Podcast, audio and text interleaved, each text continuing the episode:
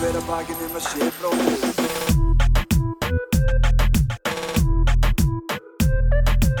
Fyrir hver að bakinn um að sé bróðir eigi.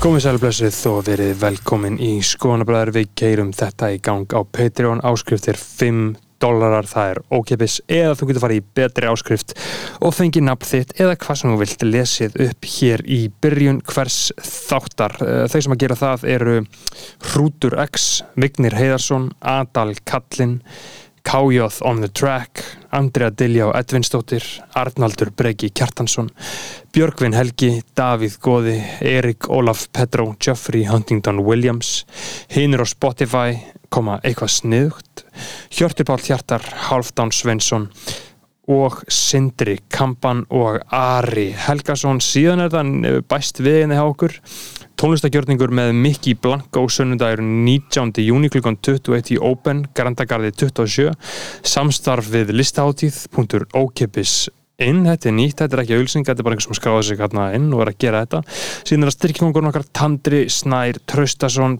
Tandri, takk fyrir þig, hann er í 50 dólarum á mánuði. Og fyrirtæki okkar annað því eina sanna Hampól CBD olja, láttu þið líka vel. Þú átt að skilið, Hampól CBD olja skotanir 20 fyrir 20% afslátt, hampól.is Guð bless ykkur, kæru hlustendur. Fyrir hver að bakinn um að sé bróðir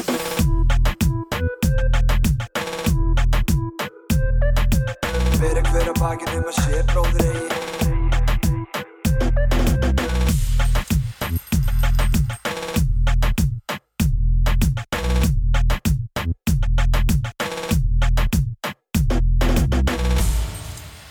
Við erum komnir í loftið og til okkar er komin Híðin Unsteinsson Híðin, verður velkomin í Eilstofu Takk fyrir.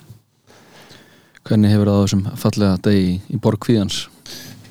Bara mjög gott. Já, Engin kviði mér. einhverjir þér Hvað er ekki til? Nei, þetta er bara 90 ára maður er heppin Já, eina hlut ekki að koma erðafn áfram og svo bara Já. að reyna að hafa gaman og láta Já. sér líða vel og Einmitt. gera gott við aðra. Einmitt. já, Uh, þú kemur einhver inn með uh, Nokia síma Nokia 105, og 4990 Elko, hann er endur uppseldi núna, það er- þetta er að vinsa allt aftur. einmitt, Mhm. einmitt. Uh, og þú sagðir að na, ef maður vil hafa eitthvað output þá má maður ekki hafa ómikið input Já, af því að hættan er svo með þessar tölfur sem þið eru með, eða snjálfsímana, úst, því að fara að messenger eða SMS eða eitthvað, Mhm. svo er ekkert og þá fara menn bara að gera eitthvað annað og. Mhm. Þannig að það er svo ofbáslegt frambóða inputi. Mhm. Þannig að Já, þetta var svona viðleitn þess, ég ætla bara að prófa í fjóra vikur en það kom eitt ár núna Mhm. ég er náttúrulega hins sem bara svona wifi heima nota þar sem tölvu já, já um, en þetta er allt annað líf Mhm. Já, þetta er þetta er ákveðin draumur sko Þetta er ákveðin draumur en ég hugsa bara um allt sem að maður uh, fórnar uh, tónlist og þú veist uh, allt það, það er svona það er einu sem stopp mig sko, það er útvarpið þessu. Það er útvarp. Mm Já, maður að hlusta á ég að hlusta á gamla testamenti núna sko, hljóðbók. Kannski er ein, ein, einhver staði verið að útvarpa því. Mm. Er ekki ennþá kristilega þannig að, hvað heit áttur kristilega útvarstöðin? Lindin. Lindin, Já. kannski færi maður bara varum bara bara lindina. Mm. Jú, svo bara þögnin miskilinn Já, hún er það, eins og, eins vissulega. og, eins og myrkrið. Mhm. Þið hrættið við þögnin og myrkrið. Og, Já. og hvernig liðið þér þar? Bara vel. En þögnin er rosalega uh, það er erfast sem maður getur gert að sitja með sér. Já, fyrir marga er það þetta lagast með árunum strákar. Það er bara eldurinn er mestur í okkur í upphæð svo er þetta bara eins og aðrin eldur þegar þeir eru komin í færtut Mhm. bara rólegir Já, bara Getum stati getur maður það bara setið uh, og réttur? Kemur í ljós. Um nokkur ári Já. það er að því að ég atna, uh, er svolítið búin að hugsa um ég fór í svona uh, haustið 2019 fyrir þreymur árum, fór í svona við passana, uh, huglislu búðir. Tíu Mm. dagar, það sem að uh, þú gerir ekki neitt með huglega í 12 klukktíma á dag, svona skipulagt en þú getur ekki gert neitt annað. Uh, og þar var æfing uh, þar sem að uh, á fjórðadegi þá byrjaru að fara þrísvara dag þar sem þú mátt ekki reyfa leggni lið. Þar það halda þér alveg kyrrum í klukktíma. Mm. og ert inn í svona sal með öllum öðrum og, svona, og hinn tíman máttu bara vera huglega í frjálsum tíma, máttu bara gera svona vilt. En í Eh, þögn. alltaf í þögn, já, Já. máttu ekki skrifa neitt eða segja neitt og þessi æfing uh, að halda sér fullkomlega kyrrum í klukkutíma. Uh, þú, ert bara að passa baki væri beint og mátti rétta það upp þegar það fór niður en þú máttir ekki reyfa puttana eina tærnar eða bara neitt, bara ekki hausinn. Og, og þar kemur upp bara hræðilegasti uh, nýstings sársöki sem að hægt er mögulega að upplifa sem að ég hef upplifað. Uh, en síðan eftir klukkutíman þá stendur upp og allt í lagi með þig. Mm. Mér er bara svo magna með að þið, við erum öll með svona 86 til 100 miljardar að heilaförmum mm og hver og ein með 15.000 tengingamöguleika -hmm. en við vitum ekkert hvernig hugsanir að tilfinninga verða til Nei. en samt erum við allt í viðlitna okkar að reyna að takast á við það Mhm. að skilja heilan Mhm. með heilanum Mhm. og að leitast við að hjálpa fólki með hugsanir sínar og tilfinningar Mhm. og svo er að hitta að við vitum ekkert hvernig annað fólk skin, skinjar Mhm. við erum með fimm skin, skilningavit eða fimm skinnfæri fyrir við og sem er með aðeins sjötta kannski opið Mhm. sérstaklega börn sem er ímyndaða vini ef við hirtum það Já. Men Jú, ég bara- átt sjálfur ímyndaða vini já, Já, já. bróður minn bara í mörg ár já, sko, já, með- og, og hérna, við getum bara álíkt hvernig aðrir skinja Mhm. en við álíktum líka að við sannlega skinjum öll með svipuðu móti svona. svo höfum við tungumál og að því við erum búin að gera heimi merkingabæran bolli og borð og veist, það er allt merkingabært sem Mhm. og ótal tungumálum og svo í annars skrefi hjá okkur var að, að fara að skilja heiminn betur með því að mæla hann Mhm. þannig við förum að mæla hann og búum til mælingerfi en ég meina eitt kíló í hendina þér og, og hendina Jóa og hendina mér er kannski ólík upplifun okkur allra Mhm. og svo í þriðalegi förum við að stjórna heiminum að leitast við það Mhm. og svolítið að dæma hann og þannig að úst, við fengjum allir skinnfæri hunds í eitt sólring og maður duð koma, heyrðu þetta er allt mm. úst, að fá þúsund eða mörg þúsund falda Mm. líktana í eitt sólring Mm. hvernig upplifun okkar að heiminu væri þá þannig að við erum svo sem bara álíkta þannig að heimurinn er kannski bara í mannsisuga bara 7,9 miljardar huglegar upplifana, allra sem búa á jörðinni Mhm. þannig að mér veist við ekki geta verið alveg svona í metafísikinu vissum eitt en eitt sko. Nei. Nei, það er mjög, það er mjög örfitt og líka þetta með merkingabærnina einhvern veginn að heimurinn er ekkit endilega merkingabær. Við erum bara búin að gera merkingabærina því að það hendar okkur. Mhm. og svo kemur stjórn sem ég veist að lýsa sér best þetta dæmi með eins og almannavarnir. Það var gos í Fardalsfelli og þá fundu almannavarnir reglulega og svo komur eins út og fundu og svo erum við um tekið ákvörðun. Mhm. við höfum tekið ákvörðun að leifa raunin að renni við Suðustrandaveg Mhm. veitu hvernig er það hægt hvernig getur Já. við bara raunin leifi eða veitu, Já. þannig að þú sjáu það er að alveg stoppa bara og, já, að fara að stjórna ykkur sem er í eðlisínu ekkert hægt að stjórna Nei. Og þar erum við já, það er ótrúlega sko hvað fólk getur eða hvaða merkingu fólk getur sett í hluti sko Já, og líka þetta stjórna við, þú við erum alltaf að stjórna stjóri fólki og, og, og náttúrulega umstöð löggjafin í líðveldinu og monarkíðan þar á undan var alltaf að vega og metta frjálsan vilja og almanna heill Já. hversu miklum frjálsan vilja viljum við fórna fyrir almanna heill okkur mm. með ekki gera það er 90 Byrju, hver ákvað það, er almanna heill í því að gera 90 eða, mm. veist, það er þessi þetta sniðmátt sem við erum búin að setja út um samfélagið og maður sé þetta mjög skýrt í bandrækjunum núna þar sem veist, uh, stærsta dánarósök barna er að vera skotin og þar er- eru við bara með þannig að almanna hillið þú veist, Já, frelsið. Mhm. bara já, það er bara réttur fólks til að skjóta börnir meiri heldur en fyrir börnin að vera ekki skotin eða þú veist Ég er búin að vera svo upptökin að bók sem heitir The Dawn of Everything eða Dögun alls sem er s- 200 stóra, eða þið farið við 200 stóra sögu Homo sapiens, það er um cirka 200 ár saga eins vitiborna manns Mhm. en landbúnabildingi verður svona fyrir 12-13 árum síðan Mhm. og þá fer eignarétturinn á flug. Fyrsti maðurinn kemur og segir þetta landi mitt. Já. og við hættum hægt að býtandi fyrir að búa í borgum og bæjum fyrir 9400 árum síðan. Skuldir koma fyrir 3000 árum fyrir Krist fyrir 5000 árum rúmlega. Og peninga kom ekki fyrir bara 400 árum fyrir Krist. Og mm. við, við förum að lifa út, hætta að lifa hönd í munn. Þar að segja að þú aflar bara fæði í dag og borðar það í dag. Heldur við förum að sapna í hlöður og, Já. Og pening, skilur svo förum við að stunda viðskipti og IOU, fyrst er bara skulda viðkynningar en þessi bók, sérst David Graeber sem var mannfræðingur og allt ungur 59 ára hann skrifaði bókina Depth á undan þessari og var svona, svona instrumental í okkupæðreifingunni er okkupæð sem og síðan. bullshit jobs. Já, Bullshit Jobs og fleira fleira hann professor í Yale og svo í LSI og hann skrifaði þessa bók á tíu árum með David Wenger sem er professor í forðlegafræði og þetta er alveg mögnu svona samandegt á svona þessar óbærslega löngu langa tímalínu. Og það setur einhvern veginn samfélag okkar að fyrir í mínum huga setur það samfélag okkar í svona miklu víðar og allt annað samhengi.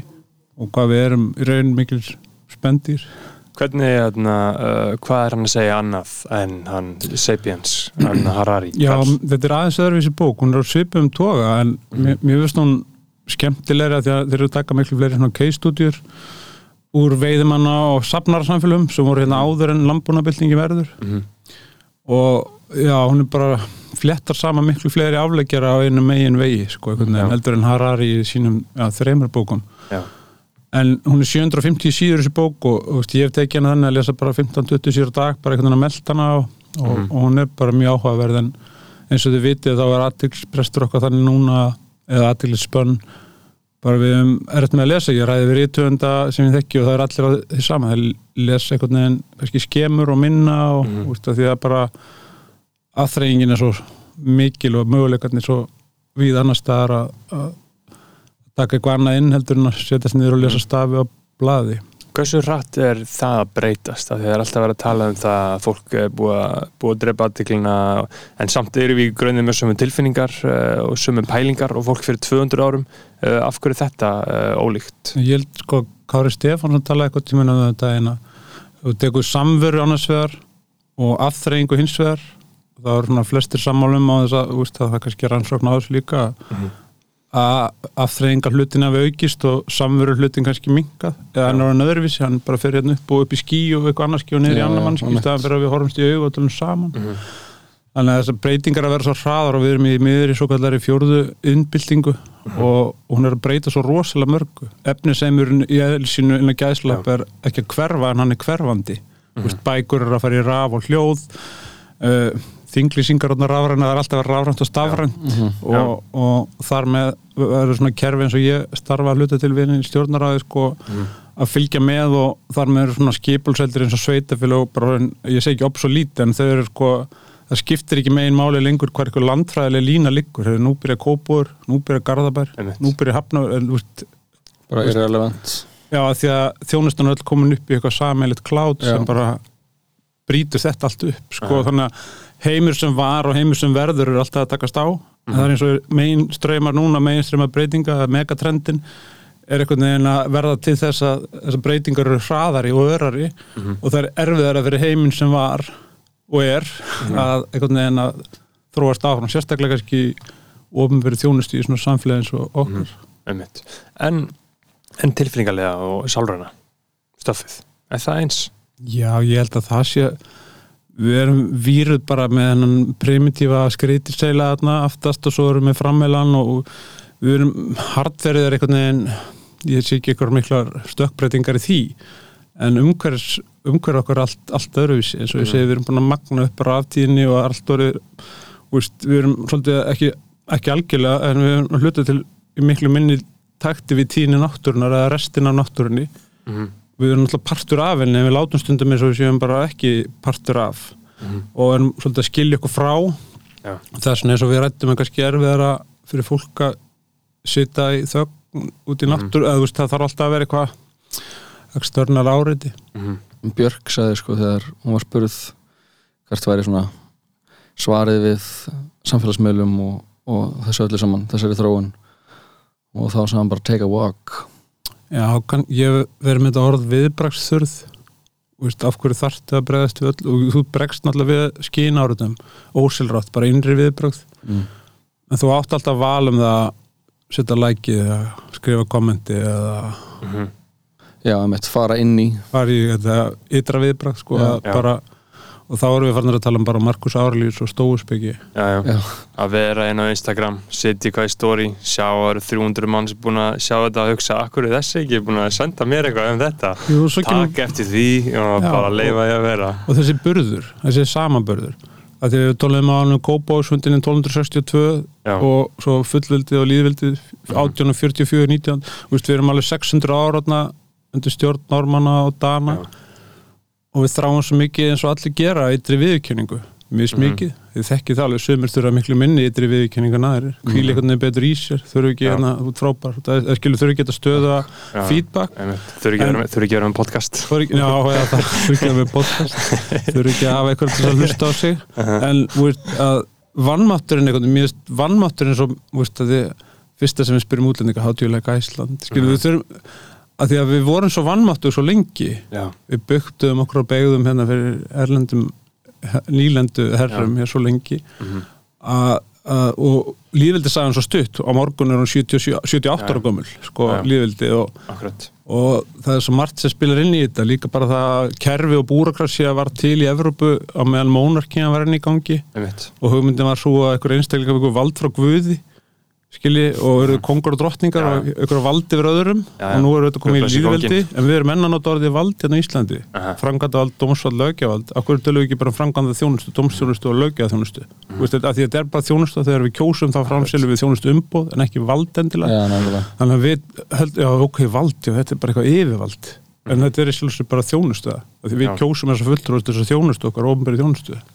Heldur það að sé hluti að því að, að við svona að þú veist, mér veist, vera rosalega lítill, að þú veist, engin kultúr á Íslandi fyrir því að taka ábyrð eins og maður sé bara hjá ofnbærum það er bara stjórnmálfólki og bara allstaðar, þú veist, mér veist þannig að alltaf var að koma upp eitthvað atvik sem ég var bara, já þetta er bara basic að núna ætti þessi mannski að, segja bara, heyrðu, ég, ég skeit og, og, og, núna ætla ég bara að taka ábyrð og, og segja af mér Seldur þetta hafa eitthvað með þetta að gera? Já, að, að því að það er fólkið þetta vald í fyrir þetta sé þjónusta, þú veist það er annar, önnur hlæðisla Ég held að spilið saman og margt annað. Þetta er mjög fámennt samfélag að búa jafnmargir hér á í Coventry. Mhm. en þetta land er bara complicated Coventry. Já, með 12 ráðandi, 157 stofnanir og sveitafélag og allt þetta skilur bara 50 mjög flóki og þannig að það spilar inn í þetta líka. En, en þetta er bara einhver umræða sem þarf að fara fram. Hvernig hérna, verður ofinbyrði þjónustu fyrir skatt fyrir sem eru ofinbyrði útgildi ára 1600 miljardar Vist, við erum með tæpa 1200 hjá ríkinu. Eitt landa, því að yfirleitt er frangvæta valdið að frangvæta þjónustan í Európu 50% þjónustan hjá ríkinu, 50% sveitafélaginu sveitafélagi er kannski með framhaldsskóla heilsugjæslu, öldurinn þjónustu og fleira sem ríkið er með hér. Þannig að það er 1170 miljardar á 1600 hjá ríki og þar kjósum við 63 á þing til að sjá um það.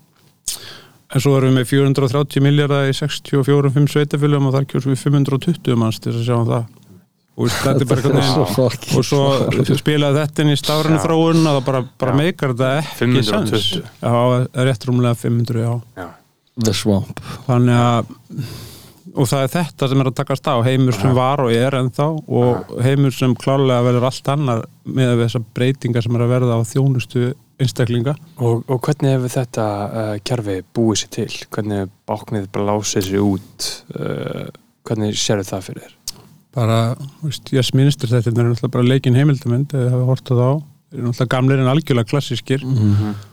og á endanum þá snýst þetta og- svolítið mikið um hagsmunni í, grunninn smákongar já, bara hagsmunni og, og svo þetta þessa upplifun á opnari þjónustu sem vald sko. Já, þægilega innivinna líka Já, og, og en nú bara býður tæknin einhvern veginn og framfærir upp og það að við getum gjör breytt þessari þjónustu Mhm. Og talandi um ábyrð, þegar við talum um ábyrðan ég held að það sé bara svona ofiðin í kúltúrin einhvern veginn, menn að einhvern veginn mörkin er önnur hérna, menn að komist upp með allskins og, og það er bara í setni tíð sem við verðum að setja okkur eitthvað siðareglur og viðmið og eitthvað svona en, en það er ekki mörg dæmi sem við ekki um það menn að við stígi til hliðar.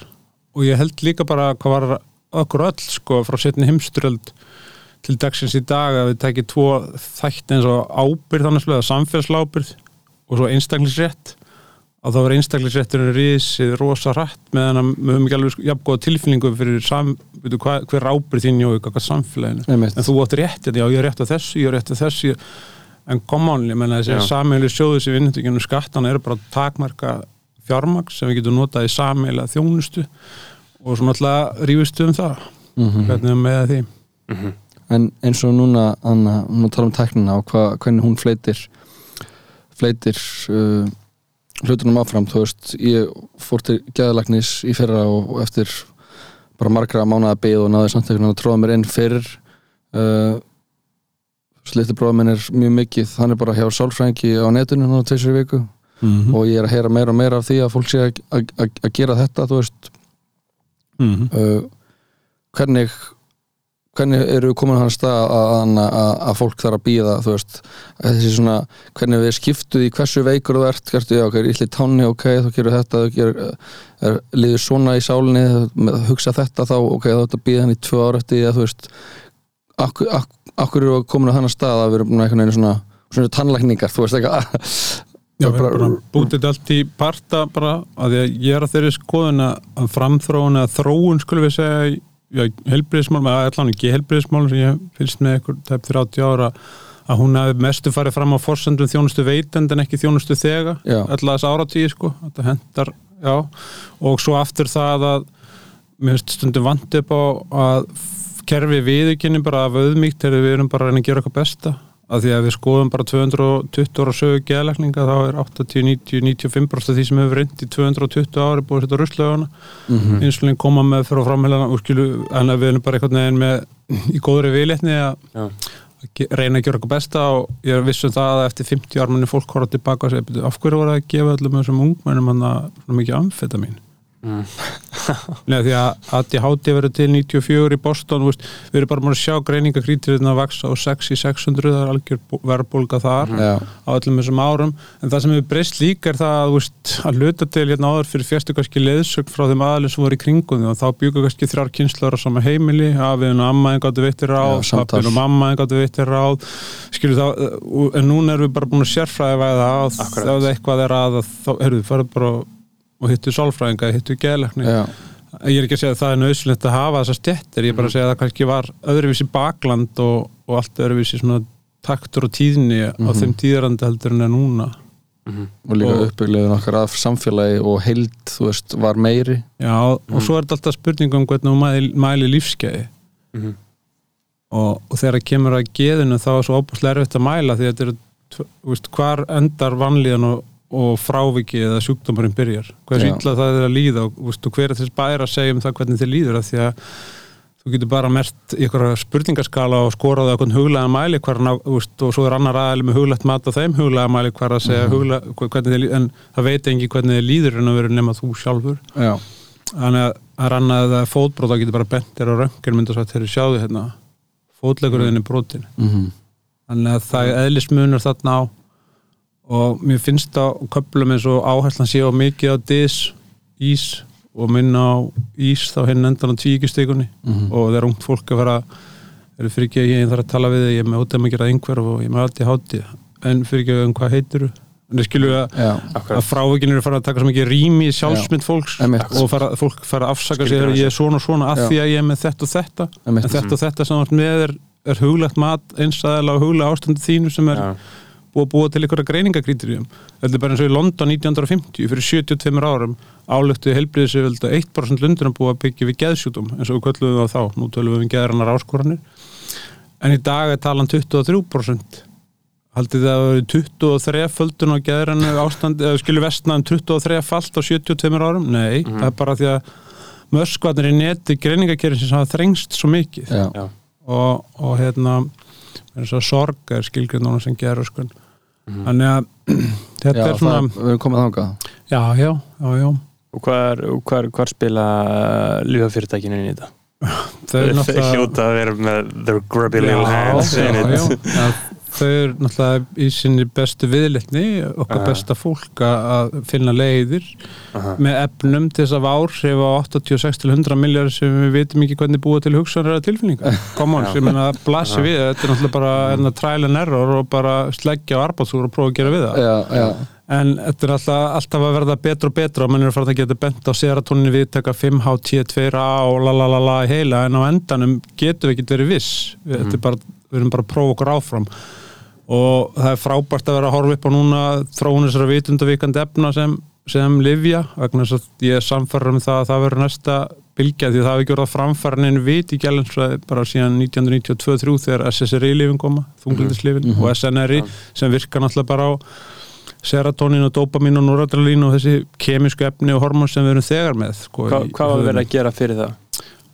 Uh, fyrstu lifin sem koma eru Þórasín og Haldól og þessi núra leptiklif eða tauga hamlandilif sem nú heita Arna hérna uh, Síbramíl og hvað það heita all núna sem eru þróast en það eru, það eru lif allt annars eðlis og, og þau kom einhvern veginn í staðin fyrir framheilanám og aðra þætti sem hjálpa til með að takast við geðrof og, og, og því líka hluti sko. það, eru, eru allt annars eðlis heldur en þessi þungliðslif þau endan að þungliðslifin einhvern veginn gera geðrannar áskornir að svona mainstream hérna, þætti Já, já.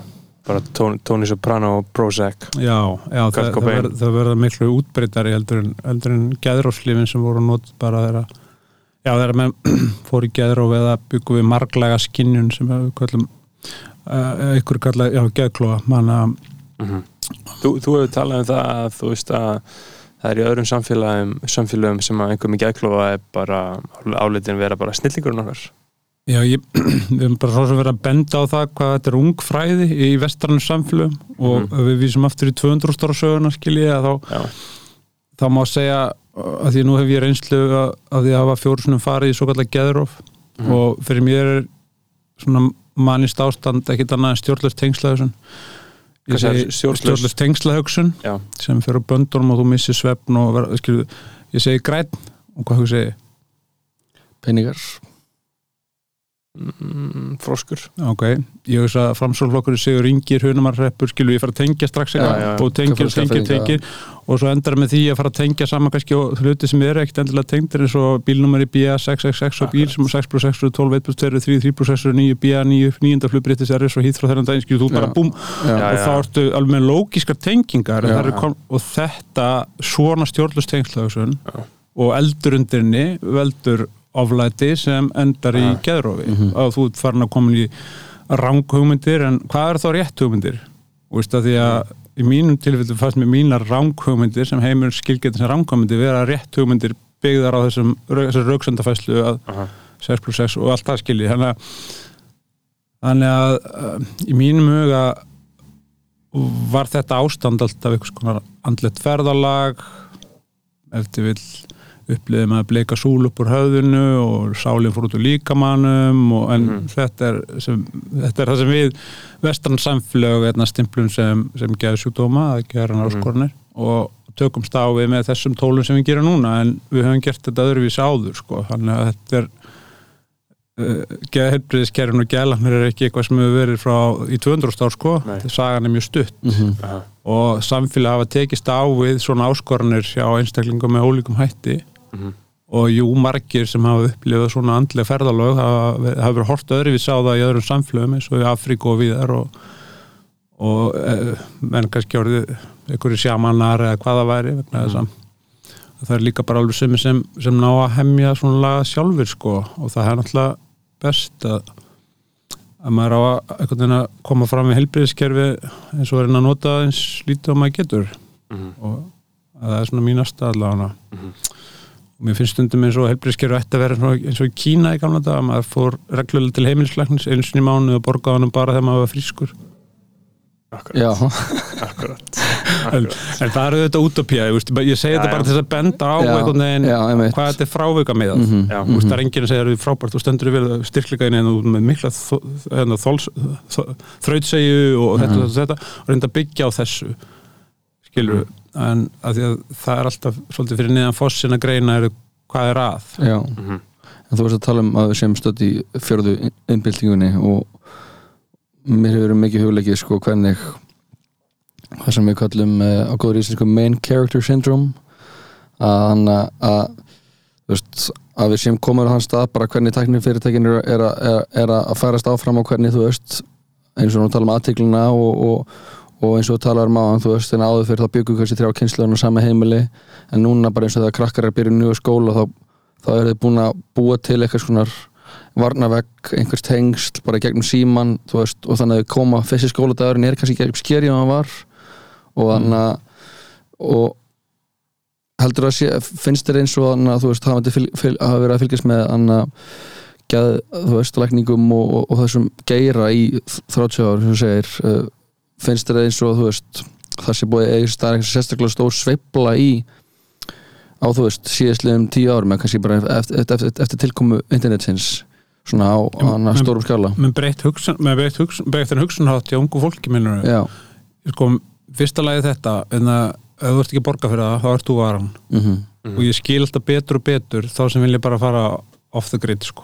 Bara Já, fara aftur í náttúr eða skiljiði mig. Af því að- veist, bara eins og með fasteglum að núna, veist, það kom einhverja skilst mér framkvæmt útvarpinum orðum kröfur um að veist, þú tekja myndir af fasteglinu innan og það er bara upplýsingarsamfélag þú veist, upplýsingar eru dýrmætar og það er svo mikið aðgengi að upplýsingunum og, og er, það er svo persónlegt og persónlegt aldrei verið einhvern veginn ríkari ríkara umræðefni en að ég held já að, að að getur vel verið, þú veist, við höfum engar sannir svo sem fyrir því að heilar í ungu fólki núna séu öðruvísi víraðar heldur en þeim voru fyrir 100 ára en klárlega sko býður þessi tækni upp á það. Allir þessir algoritmar og þið kannist alveg við það sjálfur að hafa eitthvað setið saman á kaffús eða bara eitthvað að vera að tala um að fara ferðalega til Breitlands og þremduðum setnar og komna auðlýsingar á Facebook hérna frá bara ferðið til Breitlands hvernig gerist þetta það? Og það er einhvern veginn, og það er þetta sem held ég að margir séu farnir að spyrna fótum við og segja bara, heyrðu, þetta er bara ekki dælet að því algoritmanir eru bara það sterkir. Og það er bara, þeir eru bara eins og heilar skilu, þeir bara greina og, og mér finnst þetta allt bara að vera eitt þrýfiður kongulófur og, og við erum öll einhvern veginn hálfpartinn flækt í honum og, og, að kafi honum með, með, með tækjunum að því að, að því að öll þessi forrit og upp og þú veist, þú opnar á allskins þú veist, að því að fyrirtækinu fann að greina hegðanmunstur og ég segi kannski ekki hugsunarferðla en allavega hana já. Mhm. sér, sér að leiði út úr þessu? Slá rafmagna af í hálft ár. Já, sjá hvað gerist. Já.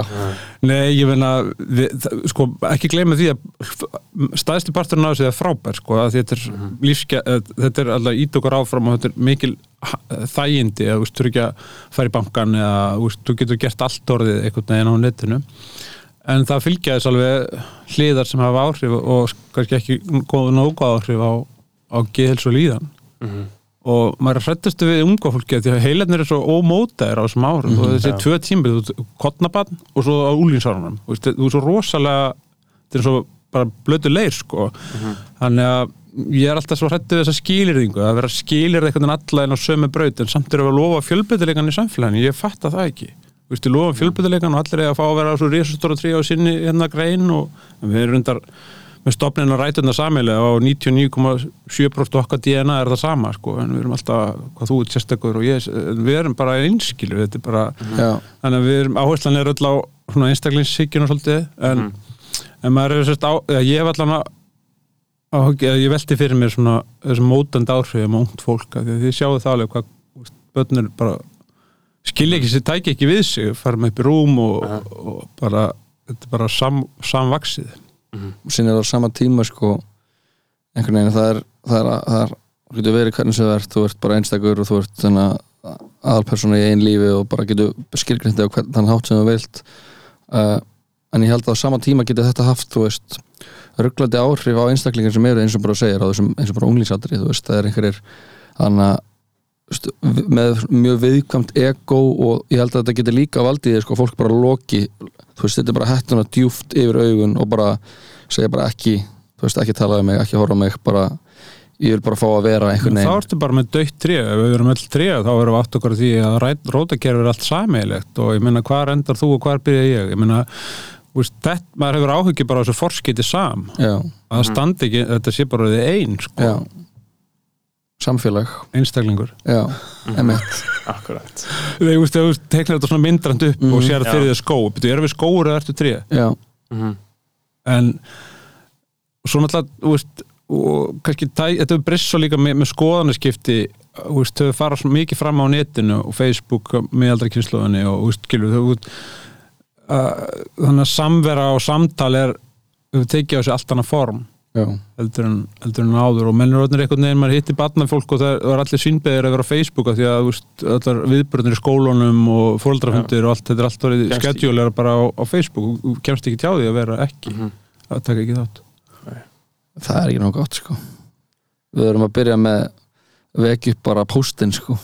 Já, ég man alltaf eftir því, ég- ég var sem erfið eftir í fórsetis, að í stjórnaráðan það ringdi einhvern tíma stjórnandi mér ráðundstjóri eða skrifstof, já ég hef næstu búin að lesa bókina Byrting eftir Voltaire ég segi, já, en einhvern tíma ég var strákur já, lest hann aftur, hér er eftir tvær ykkur bless, svo las ég bókina svo ringdi hann aftur eftir tvær ykkur Ertu búin að lesa? Já. Og hver er lærtum með bókarnar? Já, hann er tvíð, já, maður að rekta garðin sín, sagði. Já, en það er annar lærtumur. Já, alveg rétt. Það er allt eins og á að vera.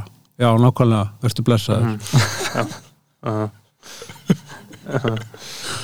Og kannski er það bara þessi, þessi hérna, sóper, hérna, æðruleysis afstæð. Já. Sem er, akkurat. þetta er bara allt eins og að. Ég ætla ekki að skipta mér þessu. nei, nei, bara tougher battles Já. Já, give me tougher battles og það er náttúrulega uh, hið, hið einu sanna frelsi uh, að engar innri hamlanir Þá ertu komin í þessa, þetta orð þannig, viðbraksturð. já, En það er ekki þar með sagt þú er að vera alveg að lúf eða að vera alveg afskiptalaus eða bara en mér finnst líka kannski þú veist, að situr svo í mér þessi fórseta bandaríkjana að veist, bara leiðtúar í bandaríkjanum og í öðrum samfélagum í Kína og daoismin og þetta með að, veist, að, að allt snýst um status og status er efni og ef, eða virði og, og ef, veist, efni er grundullurinn því meira efni sem það átti eins og Davíð Þór sagði hérna hjá okkur því meira virðertu og mm -hmm. virði, það en í sjálfsögur er þessi bolli sem ég held á hérna verðmættur og notadrjúur hann er verðmættur af því hann er notadrjúur hann er líka verðmættur af því hann er bara fallur. Hann geta alveg staðið til glugga hérna og sér sko þannig að maður nota hann okkur Já. en hann er notadrjúgur af því hann er tómur og það er tómur sem gerir hann notadrjúgur og þar með er tómur sem gerir hann verðmættan og þar með er tómur verðmættar heldur en efnið. Mhm. en úst, þetta er bara gamli táismi sem enginn hlustur á lengur og það er bara efnið sem er king og, og það er status og status er virði og virði er eitthvað sem sækist eftir, ekki satt? já.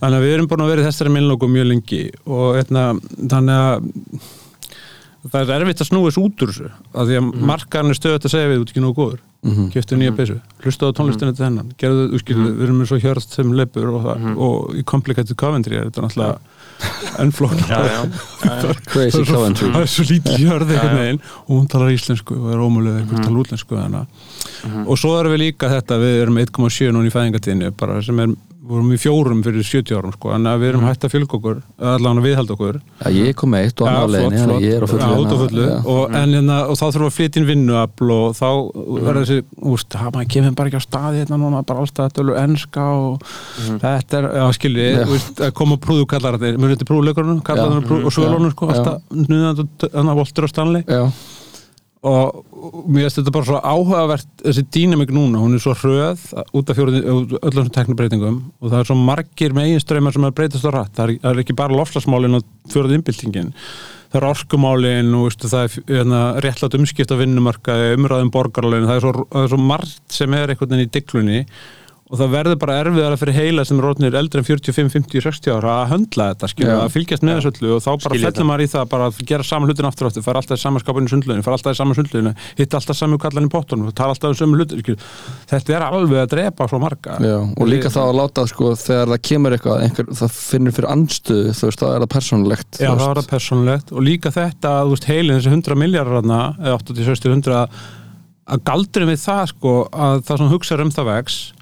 og að þú veist heilin þessi 100 miljardar eða 80-60 100 að, að galdurinn við það að það sem hugsaður það vex og að þú getur myndan í tengsla allæfi þú getur skipt um konu, þú getur skipt um vinnu þú getur skipt um skoðun, þú getur skipt um stjórnmálflokk úst, en mér finn bara með mína kynslu og þá sem er eldri að því að lífið er eins og parabóla þá bara nærðu toppi hérna 45 ára og eftir þú ert komin yfir þá hættur að skilja unga fólkið að því þú ert komin yfir hæðina og veist að menn lokast finnst mér á mikinn í vanaminstri af því að það er svo örugt sko. Þú veist, að gera, gera alltaf saman hlutin bara litlu hlutina sko. Og veist, eftir að kynast þessu. Þetta er bara, er bara spendis við og þetta finnst mér hættulegt að, að vera ekki opinn fyrir að prófa allavega eitthvað nýtt. Og ég segi stundur svona klísi hérna samlíkingur, já, hugurinn er bara svo fallíf að virka best þegar hann er opinn. Það er ekki eitthvað, eitthvað einfaldagi líkingar.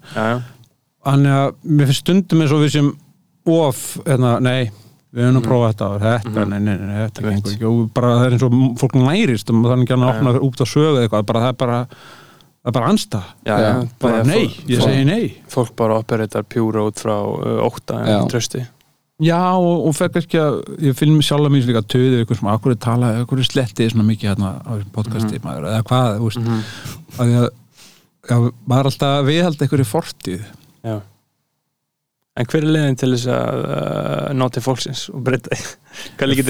Fyrst það að spyrja þig bara viltu ná til fólksins Já.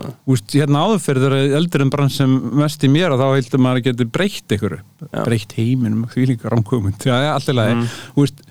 Og svo fyrir maður að sætta sig að ég get kannski haft eitthvað smá áhrif og svo kemst maður að að spyrja, er vilja eitthvað að vera að hafa ykkur áhrif og um leið og hætt, þú veist, það er bara með þetta eins og annað, eins og Mega sagði eitthvað mennilega í góðu lagi, eða góðum texta það sem þú sækist eftir hörfar undan og hverfur loks er þú kemur nær.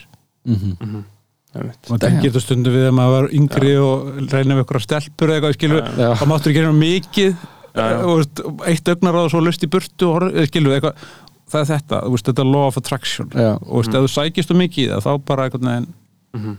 á það til að fara frá þér þannig að kannski þurfum við líka bara að okkur í að standa kjur Já. og þegja Já, og hugsa um það í staðan fyrir að sækjast eftir einhverju frekar að sleppa takina einhverju Já, einhvern tíma var vísan sko hamingju galdur en hvað vera sá að hóluna fylla skal innanfrá innbytta sinni að innföldum digðum elska og sofa í fámunum byggðum eða skilji ég Damn. að því að við erum alltaf í sko, að taka eitthvað utan og setja eitthvað inn Já. og það er aldrei nóg Aha. og á endanum kemur þessi setning er meira verður bara aldrei nóg. Mhm. og þá er þetta bara þessi mús í, í hjólinu sko, enda löstu, maður spyr þessar ríkustu menn byrju er þetta ekki góð, nei meira. Það er bara eitthvað veginn Já, maður Meira. sá þetta náttúrulega kristallast í, í máli Jeffrey Epstein og, og Anna eðlu fólksins sem Mhm. á ekkert eftir nefnum bara að ríða börnum. Ég þekki það ekki. Nei, Já, en ég meina uh, vettfangur sannleikans uh, þú veist, er þetta, er að finna það í töluðu máli eða? ég, veit ekki, ég er bara svo metafísist hugsandi, mér finnst ekki þetta þú veist, ég er svo erfitt að tala um sannleika með að við 7,9 miljardar hular að upplifa hana í Já. heiminum. hvað menna, við getum í besta falli komið okkur saman um eitthvað og, veist, og ná sátt og samkomulega þá þarf samráð og samræð og samhæðing og samvinnu en sam finnst mér bara að vera á undanhaldi. Já. Nefna samherji eða samsæri. Já, þannig að þannig að svo spyr maður sér bara hvað hva er að gerst á þessum 200 árum? Ég meina að maður skoðar Indiana menningunni í Norðar Ameríku en við höfum astnast þess að fara til Kína á níundöld og sækja tíund og sækja púður og búrakrassi og sildum svo með kalvinista presta á 16. og 17. öld til Norðar Ameríku og tókum yfir heilu 22 ára gala menningar heim í Indiana og þau voru með eitthvað kjafta bara skutu við þá sko, og, hérna, en þeir voru mörguleiti sko göfugri, ég menna þeir voru með kollektíft refsikerfi, ef þú brust af þér að þá var öllum ættbálsmuninu refsað, ekki Já. bara þér. Úst, það, það var bara svona deterrent eða fælingamáttur í því. Úst, við, við, en við erum, hér er allt bara einstaklisbundar refsingar, auðvitað skammast í henni bróðin fyrir fangilsi fyrir eitthvað skilur en, en það er hann sem tekur refsinguna. Þó að hluta til bitni refsinginu eða þetta er bróðurinn sann það, sjáðu. Já, já, en þið skiljið hvað við að já, við einhvern veginn örbumenn völduði yfir Já. stórum hluta heimsins og tala ekki um nýlendu árin. Mhm. það væri alltaf- klikka að þetta alltaf væri kollektív meira, meira, meira. Já. Meira og meira og meira og taka og taka og taka. Já, það er stóra skekkjan. Já, líka bara kannski að horfa á þetta þannig að þú ert hérna í þessu ár og þú ert partur af ákvörðunum áaðina eða forfæraðina og formaðiraðina Mhm. Ár þúsund aftur á bak ég menna það eru 2500 kynnslóði síðan þessi kona stóð þarna fyrir 200 árum til ykkar Mhm. það eru 40 kynnslóði styrka frá það fyrsti maðurinn eða konan komin á Ísland til ykkar Aha. og það er ákvarðanir þessa fólks út frá þessu treði sem Já. er svona sem hittir Já, já. ykkur núna já, já, ég og svo haldið It's þannig að maður sér sér part bara af perlu í perlufesti, ekki bara perluna. Akkurat. En það held ég að sé fyllin eða þú veist, það er allt, ungt fólk er náttúrulega alltaf svo það er alltaf verið þannig að það er bara ég fyrst og svo breytist það, það. er eðlið og maður byrja ég vil, mér langar, mér finnst og ég held. Og það er kannski þessar fjóra sagnir sem maður getið eftir að taka út en það er erfitt líka ef maður er eldri. En ég vi- verð að vitna því að það er alltaf fleiri og fleiri svona, sem elda sem byrja kannski setningar á við. Mhm. já, við eða okkur og þá fyrir maður að hugsa til þessar bandarækjafórsta sem ég ætla að nefna hérna á hann að það var einn hann Harry Truman sem sagði þessa setningu það með ólíkjöndunum hvað árangur getur náði í lífinu þínu. svo framalega sem stendur á saman það hvað fer heiðurinn að því Mhm. og þetta er einhvern veginn þetta passa fyrst mér enga veginn í íslenska veruleika Nei.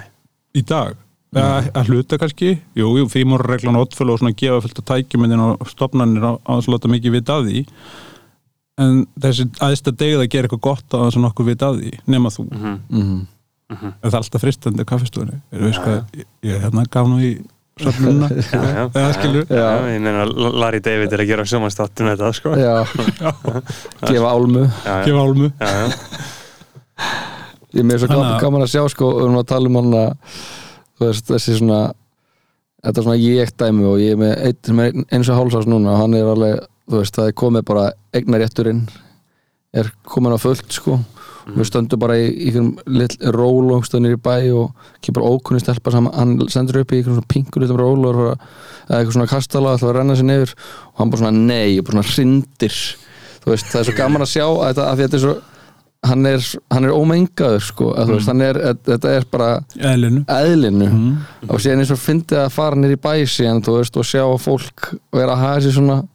Þú veist, ég er bara að standa á sama stað og ég var hana um morguninu með hann þú veist, nóttina, þú veist, einhverjum tæmisólík eftir. En kannski var bara mótunar tæki samfélagsins breyst því að samfélagi var alltaf að móta okkur fjölskyldna þess að byrja með að fyrir að móta okkur. Nei, nei, nei, heyrðu, lefðu henni Mhm. mm og svo kemur skólinn og fyrir að móta okkur og svo fyrir samfélagi alltaf að móta okkur. En núna er bara að mótun að færa inn og mótun að tækja fyrir svo allt önnur með þess að síma og allar þess að tækni að þú fær mótunina sko frá svo ótal mörgum stöðum. Ekki bara mm. fjölskyld og skóla lengur eða samfélaginu heldur er bara, þú veist, þegar ég er á ykkar aldur þá er ég bara að ákveða hvort að Vaffa S beta að x þúsund muni vinna þarna vídeo spólu Já, keppni, já. Vaffa S. Eða ég er að fá fyrsta tæki með Donkey Kong hérna. Samlokutæki. Þau getur fara árbæða saman síðan skilji, þannig að en núna er einhvern veginn bara mótunar ströymaðir eru svo miklu fleiri og svo margir. Og einstaklega og fjölskyldan og skólinn gegnir öðru og kannski ef til vill bara ölliti minna hlutverki en hér áður þannig að það er svo margir aðri þætti sem er að móta eins og svon þinn skilur Já. og í framtíðinni. Já. og svo er það bara alltaf fjölskyldunar einhvern veginn að Erðu, mátti ekki verið síman að takmarka að, að, að fjölskyldan, skólinn, samfélagið og þessi viðteknum gildi og hefð og kristindómurinn Og tala nú ekki um og trúabröðin sko, einhvern veginn hafi áfram það mikið vægi að við fáum hérna góðu gilda þjóðfélagstegna sem eru partur af heild það verður gott bara í framtíðinu bara eftir nokkur ára þá setur sér niður kvöldur að borða og bara, já, já, hvað gerðu þið í símanum í dag? Já. Mhm. Hvað varst þú að skoða? Hvað varst þú að sko í símanum í dag? Já. Já, en er ekki komið svona tækja sem fóreldrar geta fylgst með time og skrín, og þetta Já. er bara þessi rammi tekur svo mikið tímorku Já. Já, já. og bara allt er svo, þú veist, það er allt svo anna, öll búrokrasja og öll svona svona kerfi þú veist, sem eru, þannig að jú, það er komið eitthvað, þannig að vera að koma sundkortin í síman, en þú veist mm -hmm. en hugsunin sem er einhvern veginn, þú veist, fólki sem er að stýra og fólki sem er síðan inn í kerfuna, þú veist að, að láta að tengja saman endana veist, er svo, það, er, það er svo hægt sko að að, að grípa það sem einhvern veginn krakkarinn er bara, dú, dú, dú, þannig að þú veist, það er krakkarinn er komin svo langt á undan, þetta er svo þú veist, það verður að því að þróun er svo ótrúlega hröð Svo er bara hraðari tengingar í heilunum á ungu fólki heldur en eldra þannig að þú veist það Mhm. þetta eru spennandi tímar já, Já, já. Að vera við matabóru þegar uh, Jóhann spyr svon sinn hvað Hvað hva, hva, hva síndi our supreme glorious leader Xi, Jinping til í dag hvað var Xi að sína þess. Eh, Það er alltaf að fara að gerast Hvað segir þú um það hérna? Þetta eitthvað Jú. hugsa um Kína? Nei, ekki alltaf mikið Það er svo langt í burtu Það er alls konar í gangi Það er alls konar í gangi Ég hef aldrei sko. komið til Kína. Já, ég bara, veist, maður er hitt veist, og, en það er alls konar í gangi þar, já. Það er alls konar í gangi alls staðar í heiminum og, Mhm. og það er bara þessi fjölbreytni. Uh, mér finnst áhugavert svona að ég les svolítið mikið, þú veist, þegar maður er verið eldri þá einhvern veginn, eins og ég segi, fer maður í færri skotgrafir hugans, uh, hugsunarferla. Og ég leita oft í sama sömu miðlan eins og The Atlantic sem var keift af ekki Jobs held ég, Já, þetta já. var hún sem keifti Atlantic og gerði alveg massífa flottu hérna, miðli. Og einn sem skrifar þar er Ann Applebaum sem er hérna, bandarísku gift og er gift pólskum stjórnmálamanni fyrirvændi held ég. Nema hún er ofbúrslega góðu greinandi. Hún skrifaði nóvember grein um MeToo-byltinguna út frá hérna, The Scarlet Letter um, sem hétt The New Puritans Mhm. og hún tekur bara dæmi að sérst byrjar á The Scarlet Letter uh, Salem, hérna Hunt hérna, já, Hvað- galdraásóknunum. Hvað er það aftur? Scarlet Letter það er bók Nigel Hawthorns um þessar ofsóknir uh, galdraásóknir Já, í, í Boston uh, hérna, New, New, England stuff. Up New England, já, Já. Og, og, hérna, og hún tek, byrjar að leggja grunna greinni með því og svo fer hún í sko mál nokkar margra prófessor í bandaríkjanum sem hafi verið kvarta undan og þessast svona MeToo mál og, og svo leggjur hún út af í konklusjóninu hvort mögulega úst, að við sé að það er erfitt að tala um þetta maður er hrættur að tala um þetta. En þetta er hún sem er að skrifa þetta hún leggur út á því að öll þessi cancelkultúr að cancelmenning sé mögulega að gera samfélag okkar flatar og döllur veist að því að bara einhvern veginn er að snýja svo þetta ég hjó eftir þess að sjómanadaginn að ég var að hlusta texta í gamlum sjómanlöfum eins og Þorður sjóari. Hann elskaði þilfer og Þorður og því komst hann snemma á flót og hann kunni betur við halan en, og svo fram til göttunum og svo kom hann sko myndi ég siglaði með eilíðar öldun og öldunum breytist í vín og mjög sagði þessi texti bara eilur alkoholisma og eitrari kallmennsku og konur hverju höfn og bara þetta. Nei, skilji, ma ma maður getur haldið alveg áfram að þrengja að Já. viðtegnu normi og það er hennar rauksundafæsli en þetta umræðefni er bara mjög snúið að því að mér finnst þetta hanga á svo löngum tímastreng. Og oft eins og ég segi velti maður fyrir sér svona motivasjón að því að oft á tíum líka og í þessu oft tilfinningar að baki og eigin upplifun og, og það er ekkert upplifa verra held ég og þekki ég það eigin raun að upplifa sérst, ofbeldi og, og hérna og hafa, já, hafa upplifað ofbeldi og valdbeitingu og, og að komast yfir það og að fyrirgefa. Að það er bara úst, þetta hefur hefur svo ofbærslega tilfinningal áhrif í svo langan tíma. Og það er ekkit allir sem komast ég veist ég hafa komast mjög vel í gegnum það ofbeldi sem ég var fyrir og skrifaði bók og leikverk og einhvern veginn fekk alveg fullt svona karþasis og, og klappa baki frá samfélaginu, þetta er frábært verk hérna og átakanlegt og eitthvað svona.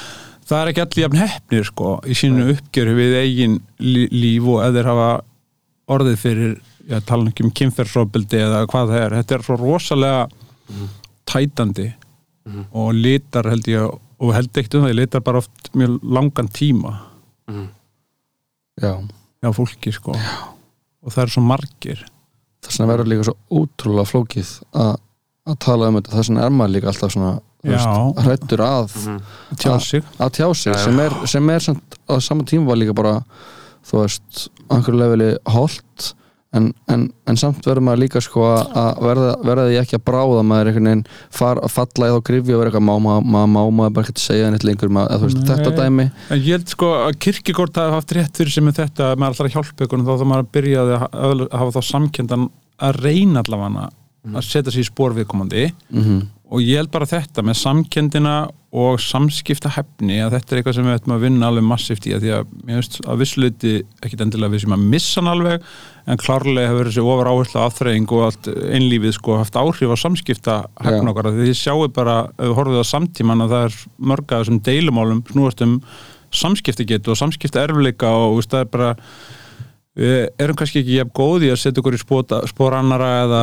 eða ástunda s- já, samhigð eða, eða, sa- eða samúð og, og setja sér annara og þetta og vera góð í samskiptum já, og að hlusta já, og vera ekki að býða eftir að fá að tala að, að munur að, hlusta að heyra sko. Og, Já. og, og, og þá komum við líka inn á þetta sem við vorum að tala um aðan þessi, veist, það sem stóru miðlanir er að gera og með aðteklisbannið okkar og veist þetta samið og undan, undanhaldi þú veist, að þá erum við að ko- koma með bara bara hérna fu- fullt landa það sem er allir einhvern aðalpersonur og síðan er þegar kemur upp eitthvað deilumál þá er þetta orðið, þú veist það sem ég finnst vera hægt á er að, að að sk- sko einhver svona þröskuldurinn á því hvað er einhvern svona tráma, hvað er ofbeldi fara til sílækandi þannig að þú veist um leið og er bara komið með sko bara e- einhver smá deila þú veist þá erum við komin í bara þannig að við erum komin svo mörg hugtök eins og bara í, í þannig að ómargar þannig að í gæðleikningunum þau erum komið ómarga hatta til að setja á alla þú veist, það er bara, það bara gæðsleiting og það er bara toxic og það er bara eldarast orðum sem, sem eru mjög hlaðin út frá þú veist, umræðinni í bara Me Too og, og, um, um þú veist, kynbundu óbaldi og þá að þetta seittist niður bara í bara svona bara almenn umræð, það er bara já, þetta er bara toxic gæðsleiting og anna, óbeldi, þetta er óbeldi, það er allt óbeldi en við erum svolítið líka bara veist, því gerðskan eru bara enginni þunglind eru fimm enginni við tvo mánuði og það er engin enginni eða þú veist, þú verður ekki eins og eitthvað tíðan þetta með þó þú fáðu kvef og það ert ekki kvef Nei, það er svo ég er auðvelt- vor. auðvitað að stimpla fólk og það var hræðilegur atbyrð sem gerist núna upp í Barðavogi nýlega. Og en fjölmiðlar síndi því skiljanlega áhuga. En bara sem dæmi sko og þá fengum við ansi mörg símtölu og geðhjálp frá fjölmjölum um úrskum að tjá okkur um þetta mál. Og ég manna í einu símtalinu við fjölmjöla, mann hérna ónefndum fjölmjöli og þá spurði ég erðu en við höfum engar fórsendur þess að draga álíktanir í þessu máli.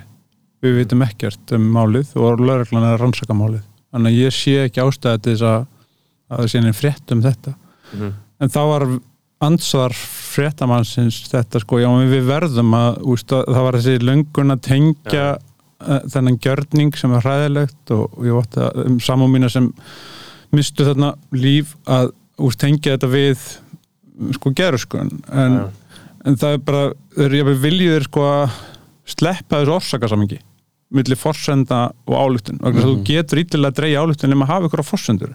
En þetta finnst mér verið að já það verður að segja frá þess að því það er allir að tala um þetta. Já. Bíddu, en Já, já. þú veist ekki nógu mikið til þess að geta sagt frá þessu. Nei, Akkurat. Og basically Þannig að Að þurfa að koma einhver út.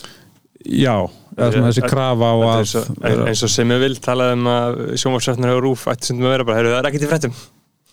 Það er í frétta. Já, í staði fyrir að fylla í fréttíman já, já, kert og herst í skafirði eða eitthvað, skilju, það, það er náttúrulega alltaf að segja ykkur fréttir en, en þarna fannst þá hjó ég eftir þessu að Já. það var viljið til þess að segja frá og tengja eitthvað svona saman án þess að hafa fórsendurna til þess að draga þessu álugtu Mhm. og þá erum við bara þá er þetta bara einhver villsa sko Já, Mhm. þetta breytir svona líka mjög mikið þegar hana, bara með Murdoch og, og þú veist, Fox News þegar frettir verða að þú veist, contenti eða skemmtefni frekar en Skemmtiefni, já. entertainment entertainment þú Já. veist og þetta hefur haft ótrúlega mikil áhrif á alla fjölmiðla og svona fjölmiðla umhverju og þetta er bara, já, við þurfum að þurfum að fá hann að smetli, við þurfum að fólk þarf að lesa og þess vegna þarf að vera krassandi því að auðlisendur, annars getum við ekki rekið þetta þú veist, og, og þá var allt í einn bara svona já, ok, akkur, akkur er þið þá akkur, akkur farið ekki bara út í þannig að the funny numbers on the screen bara eitthvað, eitthvað bref og þú veist að þetta er svona það, og, og síðan er einhvern veginn svona go- good intentions að blanda saman við þannig að já, og svo bara samkefni á markaði mögulsendur Mhm.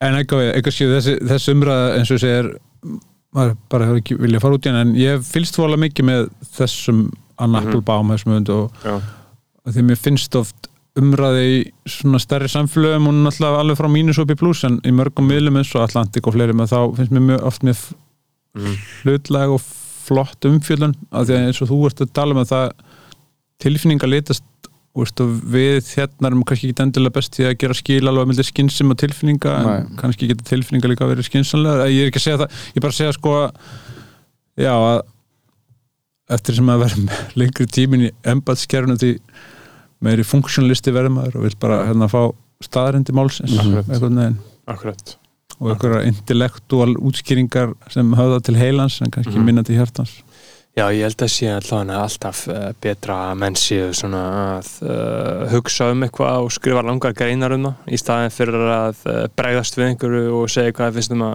uh, strax. En hver, hver er tilfinningin með ykkar kynslu og yngri kynsluðana? Er hann ekki bara að nota mest YouTube og myndrandefni? Er fólk ekki að lesa bara minna þú veist, á greinum og eitthvað svona? jú, síðan er komið bara eitthvað svona dæmið að þú getur hlustað á, þú veist, app og þú getur hlustað á hana svona grundallar atriði, bóka þannig að getur farið, og þú veist, á fimm mínúndum Já. getur farið í sánun og tekið fimm bækur. Já, þetta er mjög skrítið uh, hvernig þetta virkar. Fólk sko, hvernig tengslækkerfi fólks virkar og hvað það horfir á eins og ég uh, finn það rosa mikið hjá sjálfu mér sko. Uh, ég er alveg einhvern veginn búinn að tjekka mig út úr uh, hefðbundnum frettaflutningi uh, og er reyni samt að tjekka inn á rúf.is og frettinum á stöðfu uh, en það er ekkert í mér sem að leitar þangað uh, en í staðin er ég bara eitthvað á YouTube að horfa á Russell Brand hvað honum finnst um eitthvað sko. En maður finnur fyrir þessu, sko, hvað tímalið finnst, eða bara eins og með NBA, hérna áður fyrir horfðum maður úrslutaleikina, núna finn ég að ég fer bara í game highlights og Já. sé bara Já. leikina á átta mínúndum já, mhm. og bara, þú veist, og bara fær miklu styttir og er bara sáttu með það, ok, Já. og getur maður bara að það er erfitt að horfa svona seint líka sko. Já, já, en maður getur daginn eftir horta á allan líkin, sko, Já, maður já. hefur val um það, Já, já, já. bara fara í svona ykkur highlights Emitt. og fá það bara 8 mínútur. já, já. En síðan er þetta líka svolítið abstrakt sko, af því að þú veist, þau eru að horfa krakkarnir að horfa á 30 sekund á TikTok myndbönd, Já. en síðan eru líka að hlusta á fjögur tíma á Joe Rogan podcast sko. Uh, þú veist, það er einhvern veginn svona allur, allur gangur á þessu sko. þetta er ekki, ég held að þetta sé ekki endilega um sko lengd og tímasetningu heldur er þetta bara hvernig er verið að örfa þig sko. Þú þarft einhverja svona uh, aukna örfun og það er mjög mismunandi eftir manneskjum uh, hvar þú færð það hvar þú einhvern veginn sefja þig, sumi sefja sig með tölvuleikjum uh, sumi sefja sig með að lesa Wikipedia síður.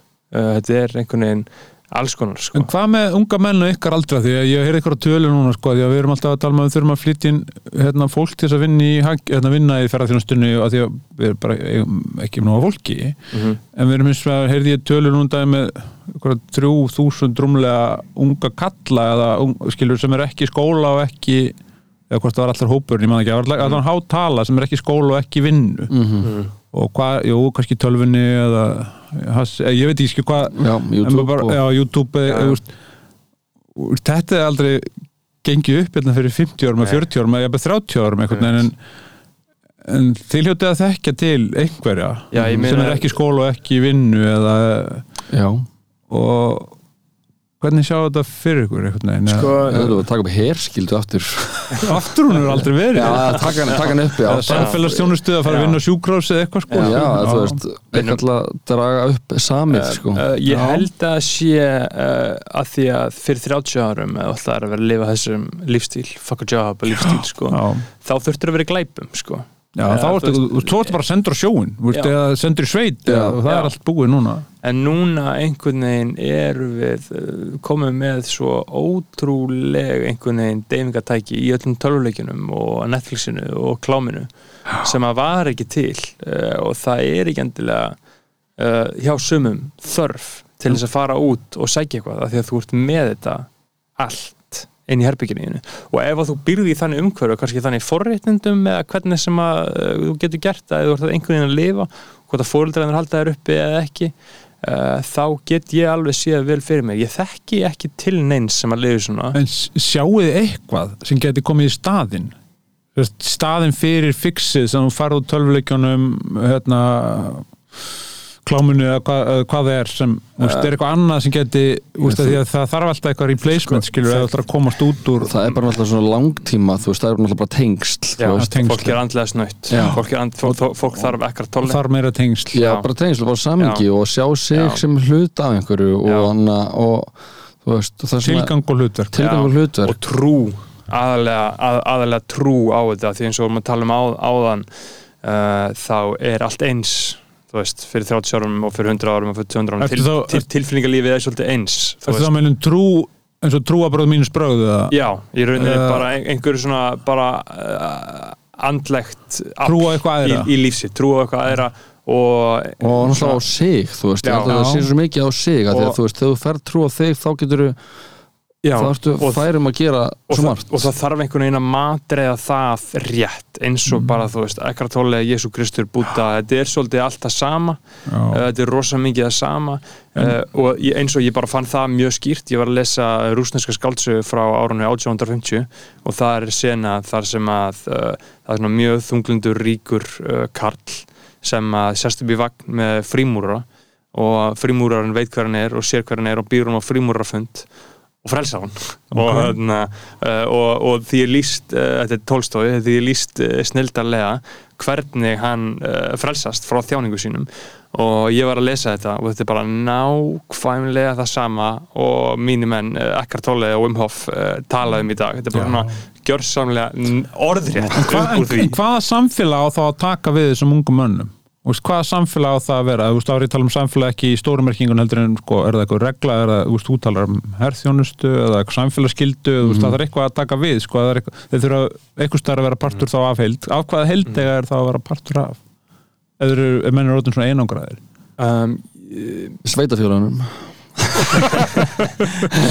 Já, því ég, er alltaf, ég fer alltaf að hugsa um sko tólspóra því að veist, þar er þetta með botnin já, Já. já, sem getur verið Einmitt. misdjúpur og menn mislengi að ná honum og þetta með að gefast upp. Veist, alfari bara er, Já, já. þú Veist, því nú hætti ég bara að vera leikstjóri í eigin lífi hérna og, að, og gefast upp og taka leiðsögn. Já, það, er, það er eitt samfélag svona Alan og, og og mörgum, hérna, já það Já, er sama já, sko er einhvern veginn.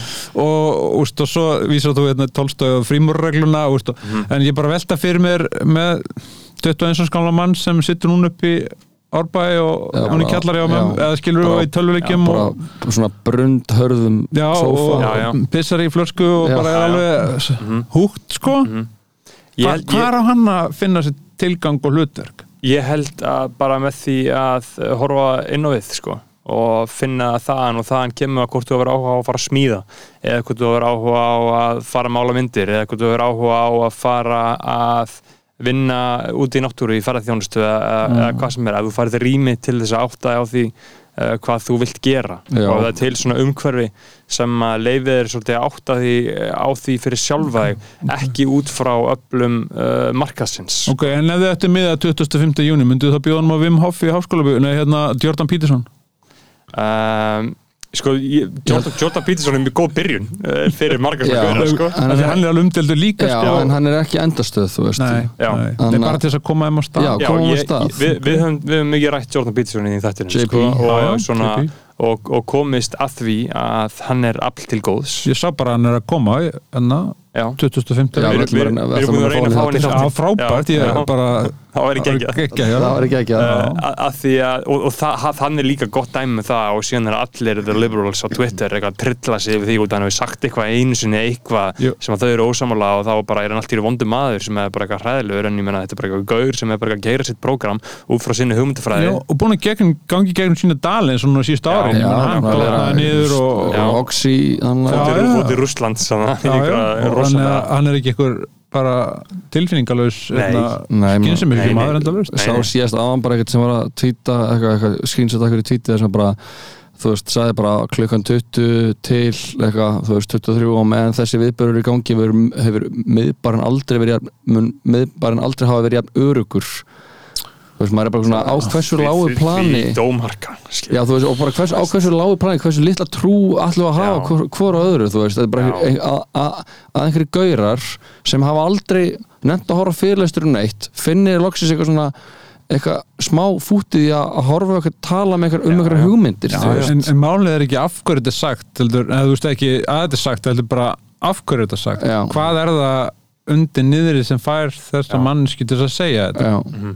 Og það er eitthvað í bakgrunnum eða veist það er eitthvað í hennar tegnslakerfi sem hann að, þú veist Já, já. en ég, ég, en ég, ég er samanlega baka með þetta þú veist, að, að að búa til sko, og að við sko reynum að hjálpa að þegar við erum svo sko miklu laukar og þú veist einhver staðar niðri er þetta hana, það sem við erum þú veist bara, og frá því verður ekki vikið að, að hana einstinni eru við eitthvað Já. og- Pure, pure being og, og að við komumst í áttina því þú veist að, að- að geta sko hjálpa fólki Já, að en, en hafið þið velti fyrir ykkur að grunnurinn að þessum e, e, e, hluta grunnum að vandan sé líka bara þessi óbúslega aðskilnaður að við séum stöðut að skilja ykkur frá hvort öðru Mhm. Ég er hérna nýtt. samkynniður, örfendur bab, skilur allt. Já, já. Og, og aðskilnaður er svo rosalega þú mikill ert svona, ég er svona. Og, og, og það er svo erfitt að tjási um nokkuð skapaðan hluta því þú ert alltaf mögulega að brjóta á rétti og, og þetta er svo viðkvæmt. Já. Já, og þetta er það sem Eckart talar sérstaklega mikið um að vertu út að lappa uh, í skó og ekki hugsa þetta tré ekki hugsa þetta gras Nákvæmlega, ekki hugsa þetta mold Mhm. Nei, nei. vertu bara Já. með því og fyndu fyrir því magan á þér hvað þetta er Já. Nei, því að þessi 3000 ungumenn eða hvað eru margir sem við rettum með náðan Þessi eh, kings. þessi kings hérna, eh, úst, að því að ég horf líka bara þó þessi viðkomt umræðefni að útskipta hlutallar á háskólum á Íslandi hérna, skoðar kynnaskiptingu það síðustu Mhm. 3-4 árin þá er hann meðaltali 70-30 Já, og það verður nú eitthvað sagt að það verður öfugt mhm. Mhm. En mér finnst lítið tala um þetta en maður kannski hermundu segjum við svona eitthvað sko, að af hverju er svona ofbúslega látt hlutall ungra manna útskrifast úr, úr háskóla? Að þið bara finna þeir ljóta að vera eitthvað annar staðar og betur, hvað eru þau Já. það og hvað eru þeir að gera? Já, Mhm. og þið finna bara ekki að þetta sé staður fyrir þá. En maður hefur svona tilfinninguna þetta er sem svo annað íslensku samfélagi að pendundli sveifli svona rosalega alltaf í öfgarnar og séu svo lengi einhvern veginn að ná einhverju, einhverjum balans. Já, já Ég meina, hann, og, og við erum það veist, það er sérst líka náttúrulega bara á viðfarinu hérna, að við erum annarkvort eða þú veist, það er anna- annarkvort bara 20. hitti og lose me eða bara anna, mínus 13 og bara myrkur, þú veist, það er tíminn einhvern veginn er farin að líða líka eins og bara, maður er farin að eldast þá finnum maður hvað tíminn er farin að, að, að líða ótrúlega hratt og það er annarkvort bara anna, 7. júni eða jólin sko þannig að við erum bara bíbólar við erum það, í daldi í eðla að þú veist, við erum það, að þú veist það er, og það sést líka á allri umræðu, það er bara annarkvært ertu fokkin snillingur eða piece of shit þú veist, Já, en þetta lítur nú að breytast er það ekki með tímónum sko. Jú, mena, við, erum að, við erum að leggja okkar á þennan að mörgum með Já, að vera með hana, þú veist, hlaðvarp það sem við Já, ég tölum sé um ykkur hluti fyrir mig bara 85 ára ellið og okkur tókst þetta. Þetta við náður gott bara eins og núna.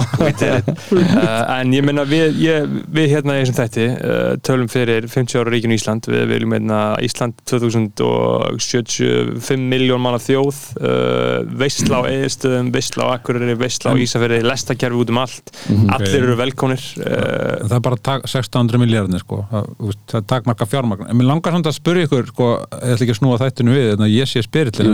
ég er bara áhuga á því sko, að ég verði að starfa núna sístu nýju mánu að setja upp hérna, nýsköpun í stjórnaráðinu sem er kannski hljóman eins og oxymoron eða þversögn þessi nýsköpun þar í, þetta feni er það ekki? Allavega að það er að við erum að takast á einu stóra vanda sem er eh, ekki, jú, vanda, að því að við höfum verið að, adressa þetta sem, erðu, þetta er hérna, við þurfum kolmilslutisi, þetta er lofslagsvá við erum að hugsa um bindingu og losun. Ok, en það er afleðingandinn það er fyrir neðan fossin eins og heilbríðskernu sko, frammendin er hérna hugmynd hönnun, framleysla neysla, skilur það er, það er frammendin sem við tölum minnum Já. en þessi tveir endar undir einni stiku eru sjálfbarni þannig að sjálfbarni og kolmilslutleysi eru tvær hlýðar á sama peningi. Já, en við erum alltaf eins og með sjúkdómana fókusir á sjúkdómana ekki hilsuna en hérna þurfum við að tala um þannig að við erum að búa til faratæki tíu ráðanetta hagstofunar og fleiri sem heitir sjálfbart Ísland. Ekki alveg eins og stafrand Ísland en úst, við viljum bara að kerfið einhvern veginn komið Já. saman og, Já. og ná yfirsýn og, og, en á endanum þurfum við breytingu og það spyr ég ykkur að því að við erum búin að búa síðan Ted Thatcher og Reagan en það rístörtu globaliseringunni að að að gott hann flutt allir Indonísíu framleitt gallabugsu fyrir miljónir og flutt svo gallabugsuna frá Indonísíu sem hann framleitti fyrir litla peninga þar til Breitlands Bandaríkjan og Selta fyrir mjög háa markinu og orðið miljónmæningur eða miljardamæningur nú er rýmið fyrir þetta ekki eins mikið og maður er kannski jafnvel hitt ungt fólk sem ég hætti bara hitt einn eða þá sem sagði, heyrðu, ég vil helst ekki kaupa neitt um þessi framleitt í 500 km radíus frá mér. Og það er að verða þessi sjálfbara hugsunum það kostar um ekki kólminsbor að þurfa að flytja þetta drastl hérna þúsundur kilometra og kaupa hvað drastl á Kína og allt, og bara, við erum að sjá svona nesluna í öðru ljósi og þetta er stóra máli núna, þessi sjálfbara hugsun og þetta sjálfbara tal, ég meina öll fyrirtæki færðin að skila sjálfbarniskíslum EU taxonomy, reglugjara samfélag að koma að nefnir núna sem skilir bara fyrirtæki einstaklinga bara veist, að standa sig betur í þessum ófjármagstendu þáttum í reksti fyrirtækja sem eru EGS eða Environment, Governance og Social. Og áherslan er að gerfin eru að hæga að taka við eins og olíuskip, þetta breytist takt þetta er annað stóra málið. Hitt stóra málið sem við minna talað um en það er mjög alvarlegt og alltaf í umræðinni er bara ójöfnöður Já. af því að hann bara eikst og eikst og eikst og eikst og hann hefur alltaf alveg frá dögum Rousseau og fyrir þann tíma þegar Rousseau skrifar þessar rítgerum um social injustice verið eitthvað sem við höfum þurft að taka á. En það er miklu minna talað um ójöfni heldur en sjálfbarni og eins og hluti af að það er bara lítast öll umræða núna af sjálfbarni tali þannig að mér er bara svo áhört að heyra frá ykkur yngri mönnum og ungu kynslaðinni líka en það hvað úst, sjá menn fyrir sér að geta staði við það að neyta einskis nema þessi framlunett í 500 km radíus eða skilur við að við skilur hugsunna Já. að að þetta er eitthvað hugsun sem þarf að og þá erum við bara að sjá kapitalisman eða nýslusamfélagi allt er í ljósi því að Kahneman fær Nobelsvölinni hagfræði fyrstur sálfræðinga 2001 held ég að verið var setna, 2000, jú, 2001 2. fyrir kenninguna sko þess að, að á annar línu var með utility að nýttsemdina og dró línu hérna við þarfalevelið og sérst hann korreleraði saman hamingju og hagvöxt. Mm hagvöxturinn 25 löndum held ég að vera rannsókn hjá hann með ykkur tíma var einnum mot einum bara 45 gráða línu upp sko, Já. og svo, pla- svo korreleraði hann ha- haminguna eða subjective well-being við hagvöxtin og ha- hamingjan fylgdi hagvöxtinum. Já. þar til að það komið upp fyrir þarfalevelið ef þú komst upp í langanir veist, þörf, human needs var hérna neðst sko, Já. svo komst í þörf þá platóði hamingjan út. Þar að segja að hamingjan fylgdi ekki hagvöxti þegar þú varst komin upp í langanir. Nei. þannig að kapitalið að halda þið fram á þyrti þetta og þetta, þetta var bara Já, já. blekking. Akkurat. en það vitið að þið kaupin í Já, að Nike Air Jordan skóa þá líður ykkur vel í nokkar dag og svo er það bara búið. Þannig að Þannig að spurningi mín til ykkar er þessi sko mun þessi áhersla sjálfbarnum að vera ekki að kaupa mikið sem er, hefur á mikið kólminsbor hafa það mikil áhrif á neyslu minnstur og hegðan ykkar kynsluðar og yngri að kapitalism stóru konglúmuröndin með eðna, allt Illuminati undir sér eða hvað það er sem er að baka þau. muni, muni þurfa að breyta nálgun sinni svo rosalega að, að, að, að það verði actually eitthvað sem er svona power to the people eins og Black Panthers sungum árið. Sko, þetta er stór spurning. Þetta er stór spurning. og- spurningu, við og og, og ég meina þetta er bara eins og Haldur Lagsnes talaði um sko að uh, gefum fólkinu fyrst hús og klæðinað og kenna þeim síðan að dansa skilur, já, uh, þú veist það er svolítið uh, það sem að þarf að gerast og til þess að það gerist þá þurfum við að bróta upp þessar legar það er ekki nóg að setja bara pappar og kókumjólk sko? Nei, ha, það er nú bara, þú skiljið það, þetta er miklu starra dæmi. skýrið núna maður, Já. það er bara, þú veist, maður sem ég að borða með höndunum. En ég meina þú veist það, það er bara sífælt verið að ganga lengra og lengra að manni eins og ég fyrir neyri World Class Vassmýri uh, Mm. nánast daglega. Og fyrir svona mánuði þá bara allt í hennu við engangin bæta þau við tveimur auglýsingarskiltum Já, þar sem að ég lappa inn og síðan lappa aðeins lengra að koma annað auglýsingarskilti og ég er bara fólk að byrja akkur gera þetta? Eða skilur aldrei verið betra að vera blindur á Íslandi. Já, bara Þið skiljið það bara já. uh, og ég bara, uh, þurfti ég eitthvað að byggja um leif, þurfti að byggja um leifi mitt eða er þetta í einhvern samningum eða, eða má þetta bara, Já. sa, sama hvað. Mhm. og þetta fer hann í mína undir meðvöndund og gerir mig bara veik, meira, ve- meira og meira veikburða en einstakling ekki pyrraðan uh, þú veist, ég sé þetta samt svona í næjarlega svona þetta eitthvað stúbid Já, þetta er tækjafæri til þess að vera pyrraðar en já, ég, ég verði ekkert endilega uh, ég, ég leti þetta ekkert fara endilega svo mikið í, í tögunar En haldið þessi hugsun ungar á umhverju sinn og allra þessar hópa, unga fólks, ég fann að litast í neysluhöfum? Ég held Já. það, ég, við erum alltaf, þú veist, fættir ég ég er 92 og Beggi er aðeins yngri 95. 95, en þú veist, ég er bara á, á sýstur sem ég fætt 2004 og auðvitað, þú veist það sem alltaf hefur líka gerst bara með anna bara eins og Kim Kardashian a- aflegging, þú veist, svona nýju stjarnana, þú veist, er að það er alltaf auðvitað breytist svona tískuvitin eins og bara tískuvitin stráka bara það er nokkur á síðan að strákur fór að pæla í tísku á einhverju viti en síðan finnst mér líka s- finna fyrir þú veist að það er bara miklu þessi, þessi, þessi hugsun er sko miklu líkamlegri hjá Já, já. fólki svona í kringum aldamót, kannski aðeins eftir aldamót. Þetta er meðist að vera svona inn í líkamlega þeirra meira heldur en sé mér þú veist, ég er að Ok, þá kemur hinn áskorunin. Í dag eru 7,9 miljardar. Allar spár segja að 2100 verður við 10 til 10,5 miljardar, jafnvel 11. Mesta fjölgun úr 1,4 1,5 í Afriku 4,3. Fækkun heldur í Evrópu. Þversögnin þegar maður horfður heiminn í makro-makro tilliti gæti mér tekið dæmi eins og frábært afrækja á bylgjónum eða bárunum að syndi við ermarsundið miðaldra konunum 5 eða 6 frábært mm. efrakjaðum Mhm. en á sama tíma þær syndi frá Breitlandi Dover til Calais eða hvað sem það voru í Fraklandi hafa síðast ári farið 30 stæflega flóttamenn frá Fraklandi til Breitlands Mhm. það synda mótið þeim Já. þeir voru hundra á bátum en þú skilir þið sjáið já, já. einhvern veginn, ég ætla ekki að segja hræstni, þú veist, þú setur þetta í þetta samingi Já. og á sama tíma núna þessi debatt í Breitlandi um það hvort þessi réttlandin þetta fljúa flóttamönnum ólögum eða það sem er að koma til eigu það sem eru 66 miljónum manna eins og Breitlandi beint til Rwanda og sé fælingamáttur því að fólk frá Afganistan það sem að, skilur muni hætta við að fara til Breitlands að því að þið vita að því er verða mögulega sendinu til Rwanda já, já, þegar maður fer að skoða þetta svona, að hugsa myndi í þessu samhengi að, Mm. Að þá er ekki mikill samhljómur í, í heiminum, ekkit rosalegur. Nei. Og það er mjög erfitt að komast að einhver svona já, við gerum þetta svona og þá blæsir þetta allt. Já, en ég meina, uh, skeiðin, þú ert uh, í forsættisáðanundinu og í geðheilbreyðismálum og já, þar uh, ertu að hugsa um þessi mál. Hvernig sérðu að þetta blandist í rauninni saman ég og þú, hugsa tal, þú talar um áðan að þú vildir einu sinni bjarga heiminum uh, en sért búin að missa uh, trúna á því. En ég meina þú lítur að hafa einhvers konar uh, sín á, Já. á hvernig við gerum þetta með því að blanda þessu tvennu saman með, með andlegu afli og einhverju svona effektífri, skilvirkri bjúrokrasju það er svona svolítið fabula að breyta heiminum en það er alveg, skilur, maður getur alveg lagt sér þetta mörgum og ég er náttúrulega í fórstættisræðandur umbóði kjörins fulltrúa sem er fórstættisræðara að, að, að vinna þar og ég ger mitt besta til þess að halda nýskapandi og, og spennandi hugmyndum að, að hennar skinnfærum uh, þegar maður er, er til, til, til hennar sko um það mm -hmm. og, og genið minnisblöð og vídeo og alls konar og, og hérna, en svo þegar og það er bara eins og ég segi, þessi líðræðis stjórnsýslu þróun og allt það, og það er alveg réttið okkur. Þetta er stundum, ég get alveg viðkynnt það að upplifa sístu 15 ár sem ég verið þarna og 5 árið saminlítjónum að maður upplifir sér svolítið svona syndaði sírópi. Eða kannski hunangi, en betra held ég hunangi. En allavega, út af þessi hægt og, mm -hmm.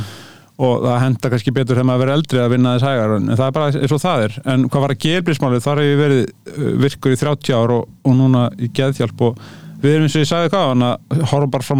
virkur í 30 ár og, og núna í geðhjálp og við erum eins og ég sagði hvað, að horfa bara fram á breytta tíma það kemur að framtíð vonandi þessara vitundvíkandi efna sem ég held að eftir að gjör bilda hérna meðferðarkerunum mm -hmm.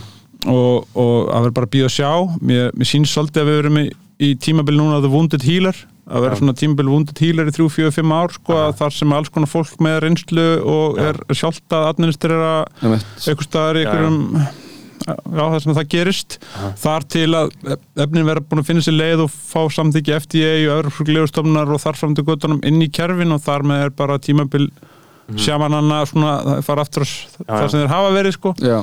þannig að, að, að það finnst mér að vera svona staðista málið í þeim kerfum pluss svo þetta að það er verið eins og svo ofta að réttlega fortíðin og sko fortíðinu með gleruðum samtímas og, og það er þessi skýrslaförstisar núna með Arnar Holt og Klepp og veist, hvernig hún komið fram við fólk eins og uh -huh. vist tímalega nefnd og svona þannig að við erum dögli við að leiðrætta fortíðina og, uh -huh. og, og aðladrið bara að eftir 50 ár verði ekki þá önnur nefnd að skoða það sem við erum að gera í dag Já, já kemur ekki óvart sko. en, en þessi uh, ofskynulif uh, þú varst í viðtali í byrjun árs þar sem hann var talað um hvað uh, heitir þetta aftur Compass Pathways um, að það geti verið eitthvað fyrir Ísland að uh, taka þátt í því Já, við erum uh, fyrirtækið er í samskiptum við landsbítal háskólusíkuráðs og það verður bara komið ljós hvað, hvort það verður úr því mm -hmm. að Ísland verði 16. landið í þriðja fasa klínska rannsókna mm -hmm. með höstunu Mér skilst að FDA muni gefa leifi í lók júli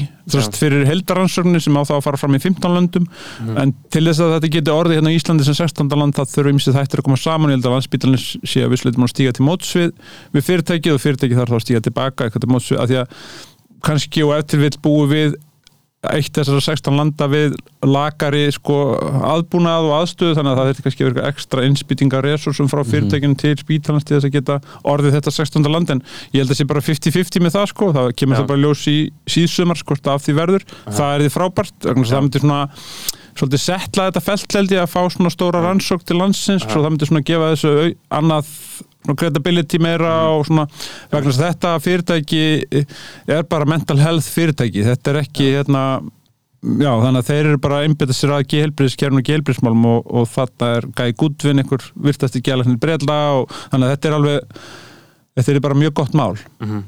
Mm -hmm. Og hvernig finnst þér svona, uh, finnst þér Ísland vera tilbúið þetta? Ópenbæra umræða á Íslandi, þú veist, er ennþá ótti við þetta, ég meina mennir alveg að tala um þetta ópenbærlega. Já, ég held að sé bara þörfa meiri fræslu, þessi efni mörgðura, þessi náttúrulega efni sérstaklega, eins og sílusípinni, þeir hafa fyllt okkur í 14.000 ár, elstu heimildurum ja. eru úr hellum í Allsýr og Suður Ameríku, sko, þannig að þetta er ekki eitthvað nýtt að við, mannkinn sé að nýta sér efni, en miskilingurinn held ég að fylgst í því að þessari annar bylginni laug með Nixon og Blómaböndunum og, og Timothy Leary og Ramdas var bara að, að, að hérna, þetta er Þetta er ekki eitulið, það þarf alveg 40-50 kíló til að upplega eitur áhrif. Mm -hmm. og þetta er ekki fíknefni því að fíknistöðunum læra henni í kaffi. Já. þannig að þetta er hvorki eitulegni fíknefni. Og ástandið e, má sko það er það er einu erfitt að líka þið saman við výmu þannig að flokkunum á efninu núna vilja margir meina er bara ekki rétt og, og, og ástæðan má að einhverju leiti eða stórun huttar reykja til bandarækjana á, á tímum Nixon sko að ja. það bara var lokað á þetta vegna þess að þegar Ramdas og Liri koma frá, frá Mexiko og hefja tilrunir í Harvard sko þá notaði fyrst sílósýpinni en fær sér fljóðlega yfir í uh, synthesiskæfnið frá Albert Hoffman, LST mm. og þetta verður bara stór partur af ykkur ruggljandi kringum mm -hmm. og blómaböndin og það, er bara, það bara skellt í lás. Og Já, rannsóknir hefjast ekkert er- aftur fyrir 1999 í Nei. John Hopkins. Þannig að ég held að nálgunin núna uh, með öllum þessum fyrirtækjum sem er að rannsaka þetta sé miklu hérna, skinsanlegri og yfirvegari og ég held að sé bara alltaf að forsendur heldur en fyrir 50 árum. Akkurat, það er svona búin, gagnbyltingin er búin að koma og Já. svona núna er þetta og bara streyði gegn fíknefnum að þú veist að það sé ekki það er tapað að þú veist það er bara Já, en ég meina að það sem ekki ennþá er Sleepy Joe ekki ennþá eitthvað að reyna að berjast við fíknefnin Ég bara veit það ekki, ég, ég, ég bara þekki það ekki sko, en ég bara segja að nálgun núna er allt önnur og ég, fyrir mér er ekki lengur spurningum uh, sko hvort, það er bara hvenar og hvernig, hvenar og hvernig, já. og ég meina geðlagnar í Íslandi, ég meina Haraldur Erlendsson uh, Já, hann hefur, opinberlega hann hefur talað ofinbella mikið en ég heyrði í einum sem var að koma af ráðstefnu öðna, American Psychiatric Association sem eru nú pávarnar og kardinálunir með valdið í þessu Mhm. Já, mikið eh, sem er partur á WHPO World Psychiatric Association. Og hann sagði og ég hef átt þetta samtal við hann lengi og hann hefur verið svona já já en núna sagði hann já þetta er mögulega eitthvað stæðsta bylting sem við séð í 70 ár. Já. oh, þannig að þann, Oh, mér sýnist þeir vera einn, einn, einn af öðrum að, að horfa á niðurstöður annars fansar rannsóknarna og rannsóknar sem er að koma Já. og fleiri og fleiri eru að, að sannfærast um það. Og það sem þetta mun gera þú veist að því að sett og setting er allt öðru þetta verður ekkit livsegil sem fer heim og leysur út í apotíki og tekur og skilu þetta er allt annað fyrirkomulag á, á uh, mögulegri meðferð. Það er að segja uh, hérna og, og mögulega bara í eitt skipti og, og þannig að þetta mun svona hafa mikil áhrif á uppsetningun á þessu öllu. Ég held að eitt að þess- til að hann að pefa þetta aftur að spurningin sem var með hann þannig að með hvað hægt- er að gera sko Mm. þá held ég að sé líka sko að taka eitthvað svona úrtak á hann af einhverjum valdhöfum og síðan einhverjum, anna, einhverjum Jordan Peterson Loving Dudes og hann og síðan bara einhver hann þú veist nákvæmniðin og hann og svo einhver flóttamaður og setja þau saman í herbyggi og síðan er bara einhver einhver king eða queen sem er að hann að halda utanum stemninguna og síðan er allir bara að fá allir sinn skamt og, og, og, að reyna að mindmappa okkur svona saman sko, held ég að væri, þú veist, að búa til svona, að því að, að, að, því að þú veist, að tala um ójöfnuð, þú veist og Já. bara hvernig, þú veist, auðvaldið og hvernig hann er talað um þú veist, við erum, það, það er bara að vera það er svo mikið gæslæting í hvernig þið tala við okkur um hvernig Jú, en ég held að þau eru bara hægt og bítnandi eins og olíuskipu að snúa við viðteknum hugsunarhætti sem er búin að fá að festast í 50 ár mm -hmm. að að ég finn alveg, ég var eitthvað að ræða þetta á einhverjum fundi og þar var, úst, ég fann alveg andstöðuna þessast spurningarnaverkin og sumir eru mjög opnir en svo eru sumir sem bara nei, heru, þetta er bara eitthvað fíknum úst, þetta, Já. hann að ég held bara hægt og bítandi ef það er rétt á þessu haldið að þá hérna, munir rannsóknir sína það og tilhörnir þar og svo þegar það fyrir að litast inn í heilbriðiskerfin þá hérna, munir viðþórum breytast en það tekur alltaf tíma og það má ekki íta á mikið eftir Nei, er eins og er með, með sko. hestin sko, þú mátt ekki tóa mikið Nei. best að sleppa bara og kemur hann kannski bara Já. á eftir þér Mhm. Mhm. Já, við uh, býðum spenntir og spennt eftir uh, þessum nýja heimi Já, já, og, og við erum alveg við, við hann verðum bara hann með, með Aragorn bara fremstir hann Já, sami heimur annar bragð. Já, já, já svolítið mikið hannig sko. Ég held að lausnin liggi öll uh, í þessum svona ekkert tolli Jú, málum það, sko. tala, já, það, ég held að svolítið þessi afstæð Mhm. hvaða afstöðu tekur já, Mhm. og þá komin lengra og spyrja "Heyrðu, þarf ég að taka afstöðu?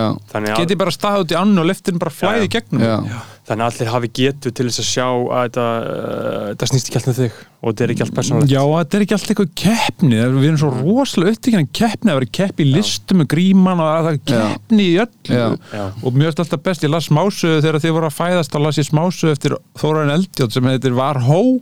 Mm. og það er um sex batnabötnars afa sem er að leika sér í feluleik í afahúsi og, og elsta batnið er 13 ára og yngsta er 5 ára, Rósa og elsta batnið er komið það froskaðan framheila hún finnur til samkendar með Rósa því hún finnst alltaf fyrst. Mhm. þannig að þegar hún er hann næst elsta batnið þá ákveður hann að finna Rósu síðust. Bara til þess að aðeins að peppa hann upp svona. Og svo er hann búin að finna allan um Rósu og svo, gengur, svo, svo hættir Rósa hó, að segja hó á móti og a- afi er farin að taka þátt í leitinni og svo eru fóreldarnir komnir og svo er löðurleglan komin og svo kemur bara Rósa fannst aldrei. Mm. þá allt inni fór ég að hvernig vinnum maður fjöleik? maður finnst síðastur. Hvað er maður að deyra á fjöleistanum? tapar maður lífinu að vinna leikin Nei, skilur Já, hvað, þetta með afstæði þess að vinna Já. og þess að stundu þegar þú tapar mm. þá vinnur hvað það þýðir. Hvað þetta er afstætt og, og þessi eins og þú lýsir þessu, þessi afstæða hvaða afstöðu tekur til lýsin, er þetta keppni?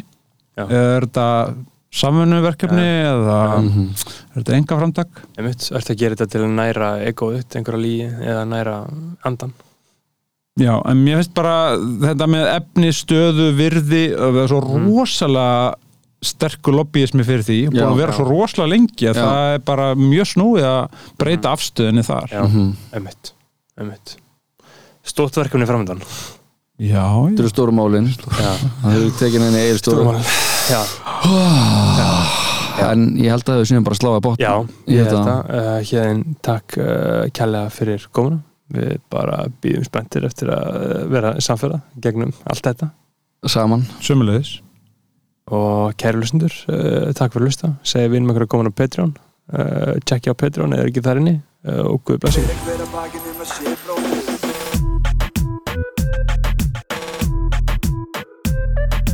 Fyrir hver að bakið um að sé bróðir eigi